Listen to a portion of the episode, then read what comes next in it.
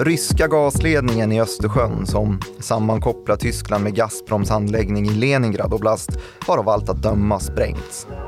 Sabotaget mot energisystemet tillför en ny dimension i det krig som rasar mellan Ryssland och Ukraina som nu också gjort inträde i den svenska ekonomiska zonen i havet mellan Karlskrona och Bornholm.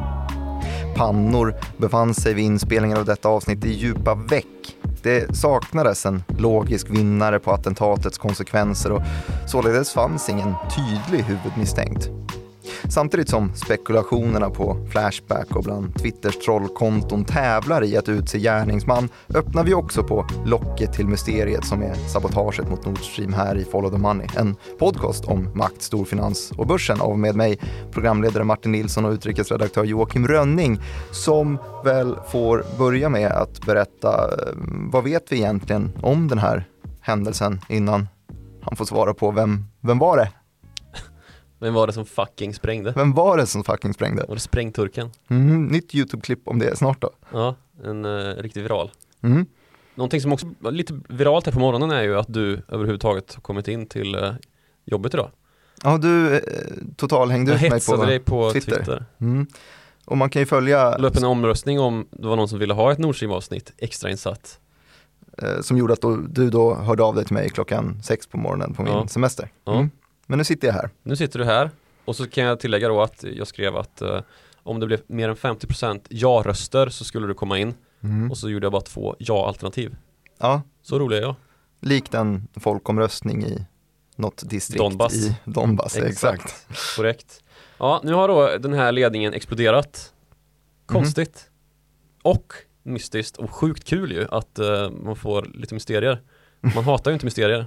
Nej men det, det, gör man ju inte. Eh, det är ju, det är ju kittlande men också oroande. Ja och mysteriet består ju då i att det känns inte som att det finns någon vinnare på det här. Som att det är en rysk gasledning som inte typ det löper någon gas i längre ju eftersom att de har stängt av gasen. Mm. Så jävla märkligt alltihopa undrar folk. Vad, hur hänger det här ihop egentligen? Ja, hur ska vi lägga upp det för att reda ut de olika spåren? vi börjar väl med kanske att prata om det vi vet. Okej. Okay. Och det vi vet är då att um, det registreras två stycken skakningar hos seismologiska institut i Sverige och Danmark på natten mellan söndag och måndag, alltså måndag morgon väldigt tidigt vid två tiden, mellan två och tre någonting. Och sen 17 timmar senare en uh, ny då, klockan uh, ja, mellan 19 och 20 någonstans. Explosionerna sker i svenska och danska ekonomiska zonerna. Då som sagt mellan eh, utanför Bornholm och mellan Bornholm och Karlskrona. Men det är alltså inte territorialvatten det här rör sig om så det, det, kan inte klassas som ett krigshandling mot Sverige och Danmark då på det viset som man hade kunnat göra om det hade varit lite närmare land. Och den här ledningen ligger på 6 meters djup så det är ingenting som man eh, gör som ett litet bussträck direkt. Utan det här är då en avancerad operation kan man sluta sig till. Och sen då har man på Seismologiska institutet i Uppsala kommit fram till att det här måste röra sig om en sprängladdning motsvarande över 100 kilo dynamit. Mm. Och hur kan man veta det då? Jo, då har man jämfört med eh, marina sprängningar som gjorts av ja, militära övningsskäl då tidigare i de här farvattnen. Och så kan man eh, dra slutsatsen att som sagt, det här är inget busstreck. Det här är en statlig aktör som måste ha de avancerade muskler som krävs då för att komma ner på det här djupet och dessutom rikta sig mot rören som man ska lyckas spränga då. Det här är ju inga liksom, små kablar utan det är ju som höljen på två decimeter som ska tas igenom då för att kunna klassificera det här dådet som lyckat då. Och ja, nu kan man ju göra det. Tre det... olika ställen som det har exploderat då. Mm, Båda det... ledningarna, både Nord Stream 1 och 2. Är det, är det bortom alla tvivel då att det här skulle vara något eh, form av naturskeende, en liten jordbävning eller en landslide i Ja, för det finns inga sådana registreringar i den data som man har då hos de seismologiska instituten att det har varit någonting som skulle kunna förorsaka en, ja det pratades ju om då att det skulle kunna vara havsbotten som har rört på sig helt enkelt men det har inte varit det. Alltså det har inte skett några omkastningar på havets botten som skulle kunna föranleda den här typen av skador då. Och dessutom så är det väldigt ovanligt att gasrör går sönder överhuvudtaget på detta vis. Så det talar väl till nästan 100% sannolikhet för att det här är ett riktat sabotage då. Dessutom att det skulle kunna vara en naturorsakad händelse när det sker på tre olika ställen på två olika ledningar liksom. Det är ologiskt. Osannolikt att säga. Mm. Mm. Så vilka är de huvudmisstänkta? Ja, det finns ju ett gäng då och om vi ska börja med att titta på vilka som kan ha intresse av att stöka till det med Nord Stream-rören då genom att titta på opinionsläget runt ledningarna så har vi ju några potentiella kulpritörer ju. Och då börjar vi med att säga att Ryssland har ju byggt de här ledningarna tillsammans med Tyskland för en total kostnad på ungefär 16 miljarder euro. Ganska kostsamma rör. Så är det ju här någonstans logiken slår slint då, för det är ju Ryssland som har varit aggressorn i det här överfallet mot Ukraina den senaste tiden och väst som har vänt ryggen då till Ryssland över detta. Men kan det vara de då, om det är de som har byggt den och de som ska använda de här rören för att skicka gas till Europa då, Tyskland. Så när rent logiskt så är det ju någon annan då, kanske ur den här opinionen mot Nord Stream som man ska börja prata om. Alltså hata Nord Stream-lägret. Hata Nord Stream-lägret har vi ju eh, både Ukraina, Polen och, och USA. De var Ja. i alla fall högljudda i protesterna innan den byggdes. Så är det.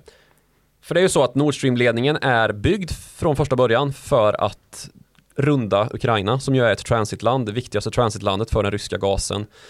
Om man tittar på den här rörledningsinfrastrukturen då som löper ifrån Ryssland så har vi ju från syd till nord då först en ledning som kallas för Blue Stream som sammankopplar Ryssland över Svarta havet med Turkiet.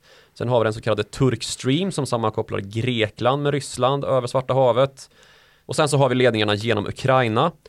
Och utöver detta så har vi Jamal Europe som löper genom Belarus och Polen som transitländer och då Nord Stream-ledningarna. Och Nord Stream-ledningarna är klart mycket större än vad Belarus-ledningen är som ju är dessutom bara en ledning. Samtidigt som det finns en betydligt större eh, kapacitet som går genom Ukraina. Och det är just det landet som man vill liksom kringskära då för att slippa ha en demokratisk granne som håller på och jävlas och hävdar att de har eh, rätt till självständighet och sånt här skit som Kreml inte ser på med blid blick direkt. Och nu är alltså Ukraina då i krig med eh, Ryssland. Styrkorna är minst sagt aktiverade. Man har ju precis genomfört en lyckosam kontraoffensiv mot Ryssland som då fortfarande när vi sitter här och pratar den 28 september är i full färd med att återta territorier i Donbass framförallt då. Och så kan man undra då, kan det vara så att man vill totalstoppa den här ledningen för gott? Att den ryska krigsinsatsen inte ska gödas av några gasleveranser till Tyskland som naturligtvis ska betalas och som kan gå direkt in i den ryska statsapparaten via det statliga ryska gasbolaget Gazprom och så har man råd att kriga lite längre. Mm. Det är ju en första tanke då som man kan fundera. Och det land som har varit allra tydligast i att gå på Ukraina-spåret då att det här är en ledning som försöker kringskära Ukraina och försvaga EUs opposition till Rysslands auktoritära maktförfarande i östra Europa genom att göra Västeuropa beroende av den ryska energiexporten. Det är USA som har varnat för det här i nu fyra presidentadministrationer. Alltså George Bush och framåt då. George Bush, Barack Obama, Donald Trump och numera Joe Biden. Det här är ju fyra presidenter som typ har haft det enda gemensamma att de har hatat Nord Stream-projektet, både ett och två. Mm. Och framförallt då när Nord Stream 2 kom upp för diskussion så var det liksom en stor split sådd mellan USA och dess västeuropeiska allierade då att alltså vi har skyddat Europa från rysk invasion ända sedan andra världskriget. Ska ni verkligen göra så här nu? Alltså splittra den enighet vi har i NATO visar vi Ryssland då. Och så har det legat på bordet då den här tyska förhandlingstaktiken Wandel durch Handel då att man har idkat försök att under Angela Merkels tid få till en förändring genom att ha ekonomiskt utbyte då. Och i den ledden så har vi ju tidigare också den korrupte före detta förbundskanslern Gerhard Schröder som eh, sprang ärenden åt Vladimir Putin som förbundskansler och sen satte sig i styrelsen för hans statliga bolag. Så han är ju ja, den mest skandalösa förbundskanslern som Tyskland har haft på ja, 70 år. Kanske. Du, du räknade bort bak till. Ja, Andra världskriget lite hus, överslagsräkning tillbaka till Adolf.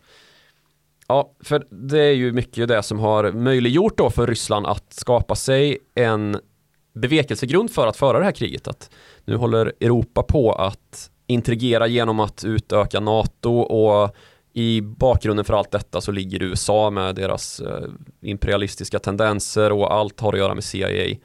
Och det här är ju också det huvudspår man noterar om man då tittar på hur de ryska trollkontona har agerat sen den här händelsen blev känd då i början på veckan här att det är USA som ses som den givna gärningsmannen här i att spränga Nord Stream och det länkas vitt och brett till uttalanden som har gjorts då av framförallt Joe Biden men även hans administration då om att man ska stoppa Nord Stream-ledningen och när det frågas då hur då så, så nickas det lite och les och så säger man bara vi kommer stoppa den.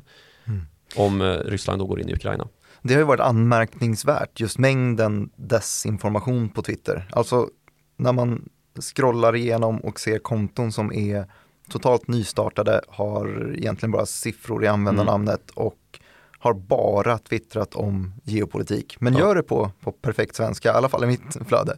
Ja, men det, om, man kan ju söka då på Twitter i uh, det här hashtag-fältet så ligger ju Nord Stream där nu om man har någon sorts geopolitiskt intresse och läser sådana användare som skriver om sånt så ligger det ju Nord Stream-taggen där och så kan man gå in och så ser man ju att det är ju helt översköljt med konstaterandena att det här är Joe Biden som har aktiverat CIA och eh, genomfört den här eh, attacken då mot Nord Stream för att skära av Ryssland på permanent basis och så hänvisar man till att ja men USA har ju jättegott av att eh, den här ledningen försvinner eftersom att USA är den största exportören av gas vid sidan av Ryssland. Då handlar det ju om liquefied natural gas, alltså LNG, naturgas i flytande form som kommer med tankfartyg. Men det stinker ju av den uppenbara liksom, propagandakampanj som det här är. Att man helt enkelt har aktiverat trollbunkern i Sankt Petersburg som ju är faktisk och där det sitter fullt svensktaliga operatörer och sprider den här dyngan. Det är ju någonting man kan notera i total realtid just nu. Det är spännande tycker jag. Och man kan också lite grann börja dra slutsatser om vilka som är deras liksom, agenter i, i Sverige. Mm. Uh, hur tåtarna kan kopplas ihop och det här hybridkriget uh, egentligen förs i digital form. Något som man ju var helt, liksom, man fick foliehatten på sig om man sa för bara något år sedan. Nu, nu är ju den saken ganska så klarlagd hur det ligger till där egentligen med de här digitala propagandaanstormningarna som sker på, liksom, ända ner på svensk Twitter. Men någorlunda genomskinliga är de ju ändå, många ja, av dem. Eh, och de som inte är genomskinliga har man ju då eh, inte märkt. Vilken bra förklaring. Ja. ja. Vad har vi mer då som kan vara Jo men intressant tycker jag vore ju då att, eh, att utforska lite fler spår för att det, det finns ju såklart då USA som har något form av motiv och någon form av historik här i att de eh, har varit eh, emot Nord Stream 2. Eh, vi vet ju då också att eh, det är andra länder som har varit emot det. Länder som kanske är lite närmare i regionen, mindre. Vi pratade om Ukraina, vi nämnde Polen också, men eh, Belarus går det ju också en ledning i som du nämnde. Vad, mm. Kan det vara dem? Ja, det skulle det väl kunna vara. Aha. Eller då, varför inte? Det är en stat och de har väl säkert dynamit, nej dynamit behöver det inte ha varit men sprängkraften var i alla fall 100 kilo dynamit minst. Ja men eh, som sagt då, de har den enda exportledningen som går från Ryssland rakt in i Europa. Så det är väl en men den enda punkten man skulle kunna ha som säger att det skulle kunna vara Belarus är just att deras gasledning till EU blir viktigare. Ja, och den är redan så viktig att, ja, jag vet inte. Det är ju ingen i Tyskland som, de var ju stängda liksom, Nord Stream-ledningarna. Det gick ju ingen gas igenom. De var, de var trycksatta med gas, men de har inte liksom levererat någon gas från Ryssland sen det blev ett underhållsstopp i Nord Stream 1 Nord Stream 2 har ju inte ens blivit driftsatt. Den eh, öppnade ju aldrig mm. på grund av kriget i Ukraina. Det var ju, sammanföll ju ganska mycket med att när man skulle öppna Nord Stream 2, det var då man klev in i Ukraina just för att, ja, på tal om bevekelsegrunder liksom och, och stresstesta europe, den europeiska opinionsviljan att faktiskt försvara Ukraina och göra som man faktiskt har lovat då i eh, de försäkringar man har gett Ukraina i samband med att man skrev till verket med att bygga Nord Stream 2 då. Det var ju mycket diplomati mellan Tyskland, USA och Ukraina för att det här överhuvudtaget skulle möjliggöras. Mm. Men vad går det att säga om Belarus president Alexander Lukasjenkos hängivelse? Är han eh, fortfarande Moskva allierad eller lutar han sig mot EU? Vad, Nej, vad skulle han, han ha är att vinna? Moskva-allierad i högsta grad och har ju samma liksom, hat mot så kallade färgrevolutioner som Vladimir Putin har. Men samtidigt så är han ju lite av en nagel i ögat på Vladimir Putin. Han gillar ju att jävlas med honom. Trots att han är fullständigt beroende av hans beskydd samtidigt. Så har det ju hänt att han har liksom hamnat i luven med honom och slitit med olika handelsvaror som har varit viktiga. Där kanske pottaskan, alltså det som används för att skapa Gödningsmedel? Ja, precis, artificiellt gödningsmedel har varit den allra viktigaste exportvaran för, för Vitryssland som numera kallas Belarus då.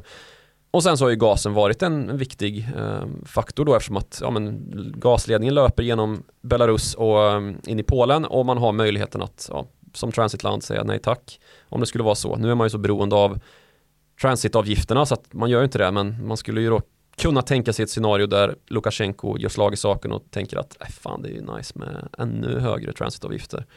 Så att, eh, men jag vet inte. Det, det är en ganska slapp tolkning tycker jag. Mm. Istället så tycker jag vi borde prata lite grann om de slutsatser som har dragits hittills då av underrättelsetjänster i Europa där man ju har konstaterat att det här måste röra sig om inte bara en statlig aktör utan också en statlig aktör med en Östersjöhamn. Och då ryker ju Belarus faktiskt. Mm. De har ju ingen tillgång till Östersjön förutom då genom Ryssland. Ehm, man har ingen jättestor marin direkt eftersom att man, inte, man är ju landlocked som det brukar kallas. Har inget hav att ansluta till utan att gå via, på tal om transitländer så är man ju grannland till Litauen och Polen som har Östersjöhamn. Så om vi ska gå på det här spåret att det måste finnas en Östersjöhamn, eh, kan det vara Polen? Polen var ju eh, intressant i alla fall, för vi hade ju en, en statstjänsteman som eh, twittrade intressant Vad sa han? Det var vi. Ja, vad fan sa han? Du såg det va? Nej, Ja, den är, fan. det var inte vi som sprängde. Eller, vänta, har du sprängt? Han, han twittrade uppmuntrande till det. Mhm. Typ sa tack eller något sånt där. Mm. Ja, men det kan ju vara i linje lite grann med att man hatar den här gasledningen. Ehm, för, som sagt, Polen är också ett transitland på vägen i Tyskland. Och en annan synnerligen intressant aspekt som sammanfaller i tiden med detta dåd är ju att samma dag så öppnade gasledningen som har dragits från Norge till Polen. Den baltiska pipelinen. Precis. Ja, The Baltic Pipeline, det är ju för att den går i Östersjön som heter The Baltic Sea på engelska. Eh, Just det, men den, den hakar på den här Europipe-ledningen i, som går väster om Danmark va? Ja. Och sen så gör man en ny liten avstickare raka vägen öster genom Danmark och hela vägen in till Polen så Mm. småningom. Och det möjliggör då gasleveranser direkt från Norge till Polen. Mm. Ehm, och då kan man tänka, aha, det kanske är någon sorts liten passning här att man ser möjligheten att spränga Nord Stream som ett, ett varnande hot då utan att begå en krigshandling att man kan spränga Nord Stream och säga ska ni verkligen aktivera den här ledningen och låta norsk gas ersätta rysk gas kan det vara så att vi närmar oss någon sorts huvudkulpritör här Norge? Alltså, det finns ju då en given misstänkt här som det inte går att ja, som vi inte ska gå som katt kring het gröt längre.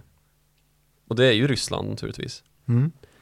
Det finns ett ekonomiskt begrepp som kallas för sunk cost. Är du bekant med det? Mm, jag är mycket bekant med det och det är väl just det som handlar om den här ledningen då. För att eh, om man följer Ryssland spåret så Tyskland kommer ju sluta köpa gas snart i alla fall. Av Ryssland, Eh, ja precis. Eh, Och lite oavsett hur. Man köper av lite andra auktoritära stater i Mellanöstern istället. Exakt. Byter huvuddiktators-leverantör. Och på lång sikt så vill man ju säkra sin egen elförsörjning i alla fall. Vilket betyder att det här värdet på eh, den här ledningen går mot noll. Mm. Eh, Och det är 16 cost. miljarder rakt ner i Östersjön.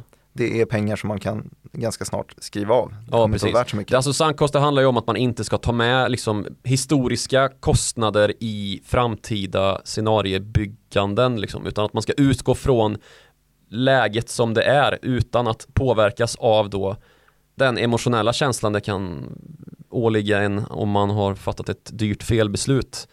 Så för Rysslands mening här då så är det inte 16 miljarder som man förstör utan det är eh, snarare noll kronor man förstör. Så Ja, alltså det är ju framtiden man jobbar med istället då. Att eh, vi kommer ju ändå inte få användning för de här jävla rören som vi har lagt ut. Jävla Europa, fan vad de ska hålla på. Och så fattar man beslutet att ah, ja, då kan vi lika gärna spränga dem och använda dem som ett auktoritärt maktmedel, som ett varnande exempel. Kolla vad vi kan göra. Mm. Det är en teori man kan använda sig av. Och det fångar ju också in det här som vi har pratat om väldigt mycket, att det är en avgörande vinter vi står inför. Mm. Europa måste kunna fylla upp sina gaslager till max och såklart se till att de har så mycket gasförsörjning som det bara går inför vinterhalvåret. Mm. Och se till att eh, det inte välter hela den eh, ekonomiska zonen för att det blir för dyrt eller att det inte finns något. Det Ja, blir ju avgörande om man måste stänga ner hela verksamheter, hela industrier. precis. Och en tanke som jag hörde framföras och som jag undersökte lite grann var då att tänk om det uppstår det här krisläget, akuta krisläget i vinter här där Tyskland måste få tag på all gas som bara går att få fram. Om man bestämmer sig för att akut tömma Nord Stream-ledningarna. Så jag kollade på då hur mycket gas handlar det om som ligger i de här rören nu då. Just det, för de är trycksatta med De är gas trycksatta, redan precis. från början. För att inte gå sönder. Mm. Och då tänker man att ja, men om de akuttömmer då kanske de går sönder. Så då tänker Ryssland att "Nej, nu jävlar nu spränger vi skiten så att de inte kan få ut den gasen heller. Men är det någon betydande gas som Det är får 177 miljoner kubikmeter gas. Det kanske låter mycket men det är ingenting på det stora hela. Den här ledningen skulle alltså transportera 55 miljarder kubikmeter gas på ett år. Mm. Så att det är liksom ingenting som gör någon större skillnad. Så nej, det känns ganska osannolikt. Så om vi fortsätter följa det Rysslandsspåret lite grann, har, har Ryssland reagerat på något vis än? Ja, och det har varit då genom eh, talespersonen Dmitrij Peskov Mhm. som eh, jag tog ut hans citat här eh, under morgonen. Ja, vad säger han? Han sa Very concerning news indeed. Ja. Och så säger han att eh, det här handlar ju om en eh, skadeverkan som hotar Europas eh, energisäkerhet och hela kontinenten inför en stundande vinter.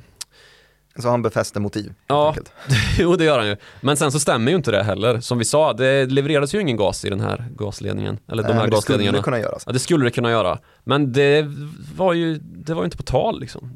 In- Långt ifrån på tal att det skulle ske ens om det vore så att Ryssland gjorde total reträtt och kapitulerade i Ukraina så skulle det ju liksom vara ytterst tveksamt om man skulle kunna öppna upp de här rören för direktleveranser ens under 2023 liksom. Ju, den diplomatin skulle ju behöva ta tid innan man skulle få tillräckliga försäkringar från Ryssland att det här inte är ett beteende som skulle upprepas då, att man går in i Europas demokratier och hävdar att det är deras eget land liksom. Mm. Sen så finns det en tidigare dynamik i det här med attacker mot infrastrukturen, för man har ju redan konstaterat att det här är ett energikrig, men inte riktigt i öppen form eftersom att Förevändningen för att stänga Nord Stream 1 var inte att man skulle opponera sig direkt mot västs vapenförsändelser till Ukraina, utan en konsekvens då av att det ålägger så mycket sanktioner mot ryska bolag att det är omöjligt att reparera den ledningen, alltså Nord Stream 1 då, som var den enda som var operativ. Och så skyllde man på Siemens, det tyska energibolaget som hade fått kontraktet på att underhålla den här ledningen och sa att det, det går inte att få till den här servicen på grund av att det finns sanktioner mot Gazprom då som omöjliggör reparationer som behövs för att det ska kunna driftsättas igen. Och så stängde man av den på obestämd tid då. Så det, det har ju aldrig liksom uttalats rakt ut att så länge väst håller på att skicka vapen till Ukraina så kommer inte den här ledningen funka. Vi kommer inte ha den operativ förrän väst byter fot här liksom och lägger ner stödet till Ukraina. Det är snarare sanktionerna som måste bort innan man Ja precis, så det blir ju indirekt då att det handlar om kriget i Ukraina naturligtvis men på den nivån är det liksom det här energikriget har legat. Nu verkar det ju som att det har blivit ett, ett liksom skarpt krig då.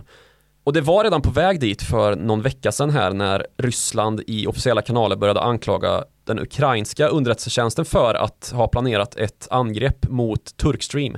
Den ledning som alltså går genom Svarta havet till Grekland och levererar gas till Europa den vägen. Så det här har skett stegvis skulle man kunna säga. Först att man stänger Nord Stream 1, skyller på Europa efter att Europa har stängt Nord Stream 2 eller inte öppnat Nord Stream 2 skulle man kanske säga.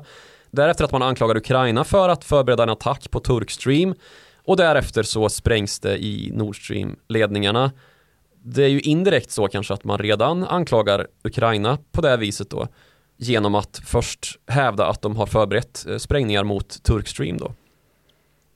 Och det här förebådar väl ingenting annat än att det kommer fler attacker mot den här ganska så sköra energiinfrastrukturen som vi har. Den är väldigt svår att skydda för att den löper så långt och genom så många olika länder i ganska oländig terräng ganska ofta. havsbotten och så Ja, vidare. havsbotten och så vidare och sen på land också då genom skogen liksom.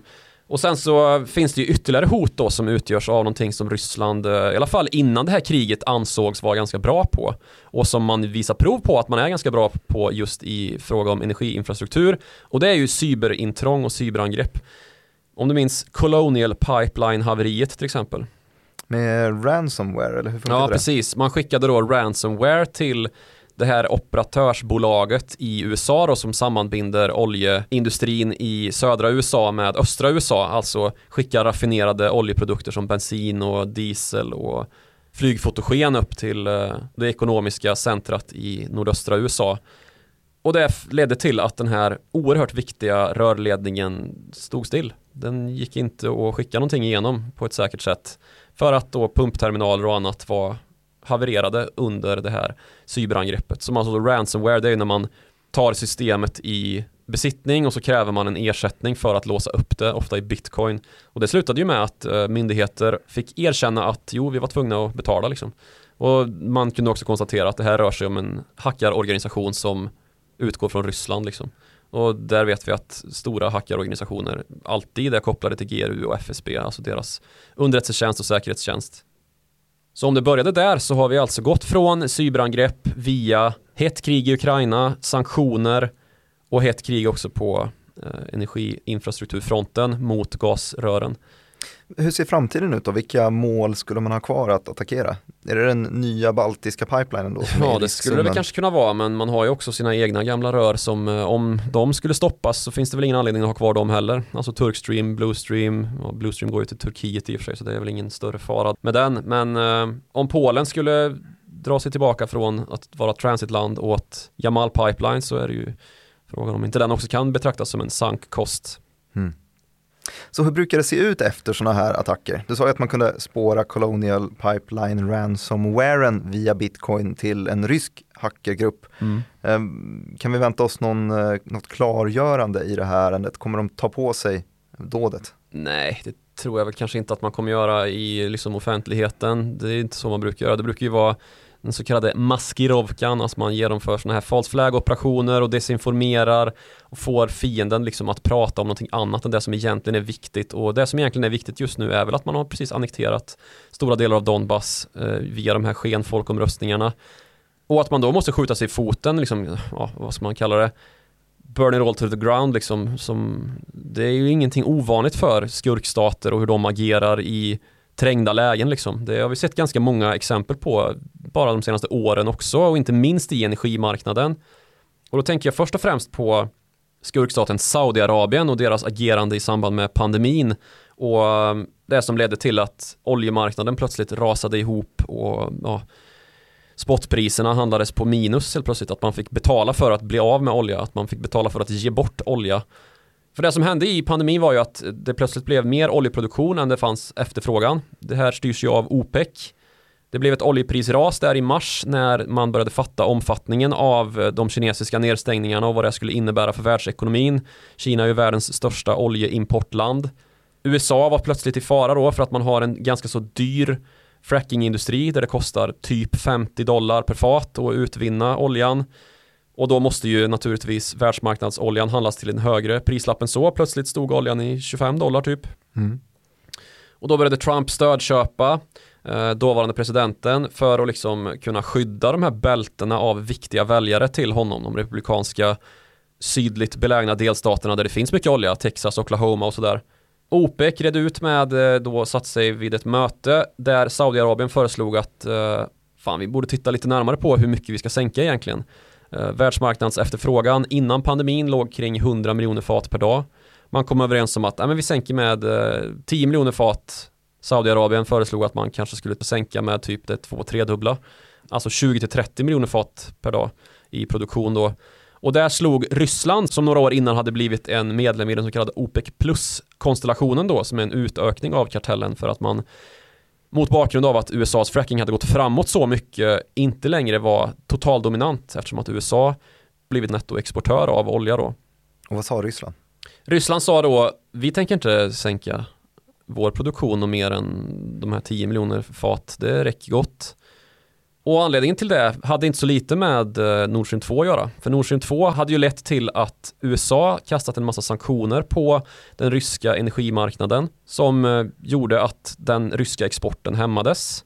Samtidigt då som den här dyrare prisbilden som Saudiarabien och OPEC då försökte åstadkomma även kom USA till gang då för att då kunde man ju hålla uppe sin fracking oljeexport så länge priset låg över 50 dollar då ungefär.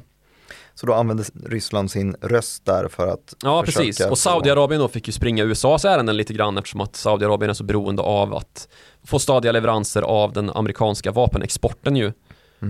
Så när Ryssland vägrade sänka mer än 10 miljoner fat per dag så blev Saudiarabiens lösning att få ett totalt utbrott och eh, börja föra priskrig om marknadsandelar då, för det är ju den andra, det andra sättet om man inte går via produktionen, att man helt enkelt sänker priserna då och ger stora rabatter för att man har ju så stora lager i Saudiarabien och så tar man marknadsandelar från ja, men även andra OPEC-kollegor då.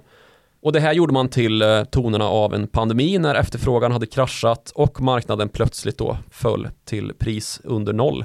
Mm.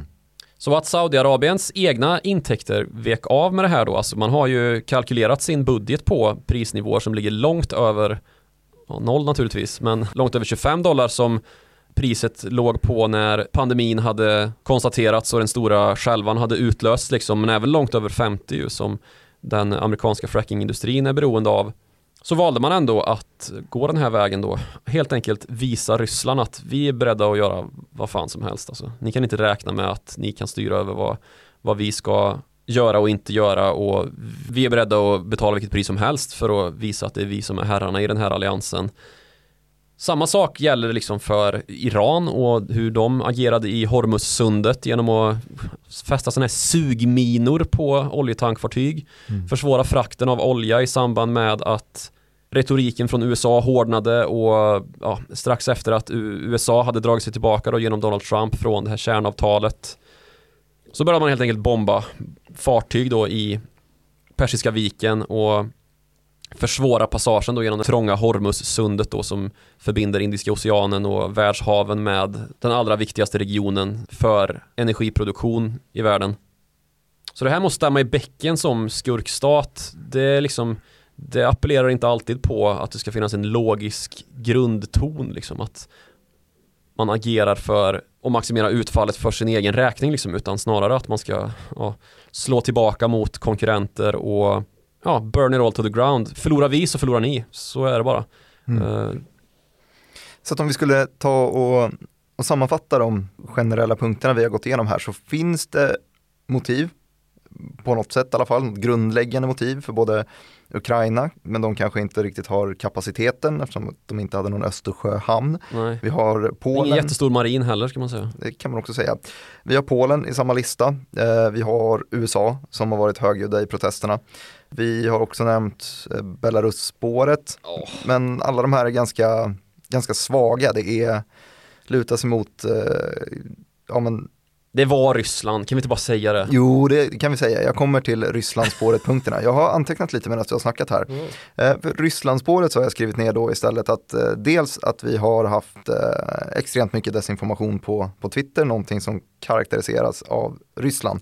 Vi har att EU, kortsiktigt i alla fall, lider mer än vad Ryssland gör av det här. Man kan inte bygga upp gaslager inför vinter, man kan inte få leveranser under vinter. Det är Men hade man omöjligt. fått det då? Hade man inte fått den då, men nu är det inte Rysslands fel.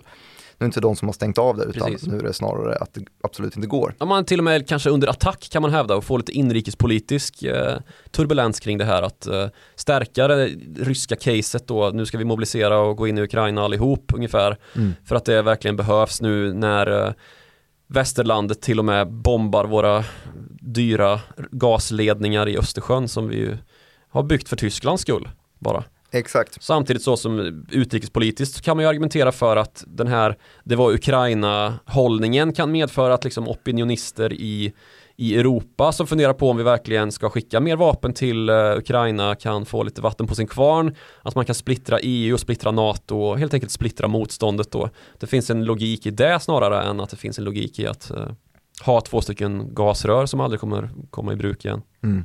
Och om vi ska fortsätta följa pengarna så kommer ändå eh, Tyskland sluta köpa gas. Eh, värdet på den här ledningen eh, nämnde vi, Sankost, den är snart noll. Vi har en, en historik av att, av att blamea USA i, i sådana här ärenden. Eh, allt var CIAs fel. Allt var CIAs fel. Alltid. finns också en liten punkt eh, att man kan använda det här som en, som en liten anledning att eh, så småningom skicka ut reparationsfartyg, kanske maskerade krigsskepp i Ja, Östersjön. faktiskt. Alltså frambasera sin flotta, det är inte alls dumt alltså. För att man ska skydda sina gasledningar, det är väl inte alls en dålig tanke. Om att man kan använda det som svepskäl och göra ytterligare intrång i svenska, danska och eh, finska farvatten. Och man gör det här lite med en, en timing eftersom att den här baltiska pipelinen hade invigning precis mm. samma dag. Mycket som går ihop här. Mycket som går ihop och eh, vi svarar då alltså på vem var det? Det var Ryssland som sprängde. Ja, klart det var. Ja. Eh, kul att få hoppa in och köra ett, extra avsnitt. Kul att du tycker det. Ja. Mm. Man kan ju följa oss på Twitter, det hittar man på snabel Joakim Runding. Ja. Där får man skenfolkomröstningar om vi ska göra extra avsnitt eller inte. Ja. Eh, man kan följa mig också, snabel direkt Martin heter jag några dagar till.